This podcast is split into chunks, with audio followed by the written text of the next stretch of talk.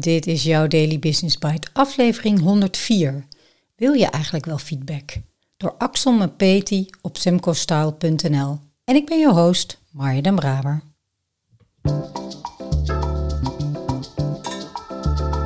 Je luistert naar Daily Business Bites met Marja den Braber waarin ze voor jou de beste artikelen over persoonlijke ontwikkeling en ondernemen selecteert en voorleest.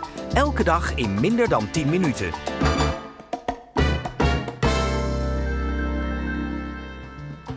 Een hele fijne dag en welkom terug bij de Daily Business Bites. Of welkom als je voor de eerste keer luistert. Dit is de podcast waarin ik je de beste artikelen voorlees die je kan vinden over ondernemen en persoonlijke ontwikkeling. Soms een beetje te enthousiast, maar ik kan het niet helpen. Ik houd van het onderwerp en van lezen. Dus dank dat je met mij meeluistert vandaag en elke dag. Natuurlijk is feedback van belang. Het zorgt voor bewustzijn van patronen, reflecties op ontwikkelingen en het geeft een helder beeld van hoe je als team of persoon presteert.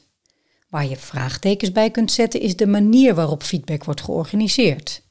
Halfjaarlijkse evaluaties verbonden aan salaris, ongenuanceerde kritiek of een gebrek aan waardering. Deze leveren meer frustraties op dan inzichten over hoe er verbeterd kan worden. De vraag is dus, hoe wil jij feedback organiseren? Je kent het wel. Je krijgt een verzoek binnen van je manager om de halfjaarlijkse evaluatie in te plannen. Je hebt je manager de afgelopen periode weinig gezien of gehoord en je vraagt je af of hij je achternaam nog weet. Je gaat natuurlijk wel in op het verzoek en plant met beginnende zwetende handen een overleg in. Ook je manager voelt de zwetende handen en denkt: Ik wil hem of haar niet te veel complimentjes geven, want dan zal hij of zij wel direct verwachten dat er een promotie of salarisverhoging aankomt. Het gevolg is dat beide partijen ongemakkelijk het gesprek ingaan en er enkel gesproken wordt over meetbare resultaten en niet op de manier hoe deze wel of niet zijn behaald. Hoe sta je in de wedstrijd is mogelijk de enige vraag die probeert aan te kaarten hoe je je daadwerkelijk afgelopen periode hebt gevoeld. Natuurlijk is dit gechargeerd en zal niet elke evaluatie of feedbackgesprek zo vormgegeven worden. Je wilt niet dat het resultaat van zulke gesprekken vaak erg demotiverend is en niemand is hier echt tevreden over. Personeel niet, managers niet, ook HR niet. Wil je beter worden in iets? Steek je er op consistente basis tijd in. Wil je beter piano leren spelen? Elke dag een kwartier oefenen zal je over tijd beter maken dan één dag per maand. Wil je beter worden in feedback geven? Dan helpt een wekelijks reflectiemoment beter dan één halfjaarlijks moment. Uit een ophoping van frustraties, successen, uitdagingen en verwachtingen worden veelal de negatieve elementen gefilterd onder het mom van verbetering. Niemand zit echter te wachten om oude koeien van een half jaar geleden uit de sloot te halen. Het is uit het oog verloren, irrelevant en er is zeker niets meer aan te veranderen. Bekijk het even vanuit een gezinsperspectief. Loop je met je partner tegen problemen aan, heb je waarschijnlijk diezelfde week nog een gesprek hoe het beter kan. Komt je zoon met een geweldig rapport thuis, dan zorg je dat er na het eten een gebakje voor hem klaar staat. Stel je het een half jaar uit, zul je rare gezichten krijgen. Hoe mooie of moeilijke gesprekken in een gezinssituatie minder uit de weg gegaan worden, zo is het tegenovergestelde het geval in een organisatie. Wie is in de lead? Zoals gezegd, feedback is natuurlijk wel wenselijk. Hoe kun je dit nu wel op een prettige manier aanvliegen? Ten eerste is het van belang dat je de negatieve connotatie van feedback uit de wereld helpt.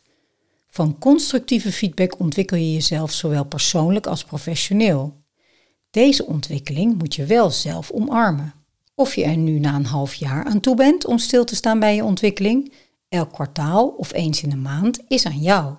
Er is geen one size fits all. Bepaalde afspraken maken om continue ontwikkeling te stimuleren is dan wel verstandig. Spreek bijvoorbeeld als organisatie de verwachting uit dat je in ieder geval wilt weten hoe vaak per jaar ieder een ontwikkelingsgesprek verlangt.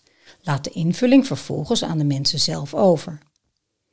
Wanneer deze gesprekken vervolgens vanuit een intrinsieke motivatie worden gepland, is het van belang om als manager of leider degene leidend te zien in het proces. Pas je aan aan de voorgestelde tijden en setting. Dit zijn voor degenen die het gesprek initiëren waarschijnlijk de voorwaarden voor veiligheid tijdens het gesprek. Hoe start je vervolgens zo'n gesprek? Uitgaan van waardering is een goed startpunt. Begin het gesprek met wat je in de ander waardeert, wat je zijn of haar talent vindt en wat jij daarvan kunt leren. Het laat een evenwichtige relatie zien, waarin ontwikkeling vanuit beide kanten centraal staat. Om te voorkomen dat frustraties van afgelopen periode het gesprek vervolgens domineren, is het van belang deze niet op te stapelen over tijd, maar aan te pakken zodra zulke situaties ontstaan. Hoe? Er zijn mooie voorbeelden van fuck-up Fridays of platformen om enkel mislukkingen te delen. Gedeelde smart is halve smart. Daily Business Bites met Marja Den Braber. Je luisterde naar Wil je eigenlijk wel feedback door Axel Mpeti. Wie neemt de lead? Axel neemt hier wel een leuk standpunt in. Vanuit de organisatie, is dat dan de manager of de HR, dat is dan wel weer interessant, wordt de vraag gesteld hoe vaak per jaar je een ontwikkelingsgesprek wilt. En dat mag dus voor iedereen een andere frequentie hebben. Ja, ik snap het wel. Misschien scheelt het ook of je net start met een functie of überhaupt aan het begin van je carrière staat of al langer bezig bent.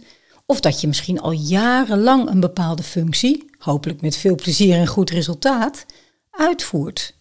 En het feit dat je het een ontwikkelingsgesprek of een waarderingsgesprek noemt, klinkt toch ook zoveel beter dan een beoordelingsgesprek of een performancegesprek? Woorden zijn belangrijk, dat blijkt ook hier maar weer eens. In zijn blog plaatst Axel nog een link naar een artikel met de fijne titel Weg met het beoordelingsgesprek. Daarin wordt een onderzoek genoemd dat korte metten maakt met de nauwkeurigheid van dit gesprek. Uit dit onderzoek blijkt namelijk dat we ongelooflijk slecht zijn in het beoordelen van andere mensen. Je snapt dat ik daar ook graag induik voor weer een andere aflevering. Ik wens je veel en fijne waarderingsgesprekken toe en spreek je graag morgen weer.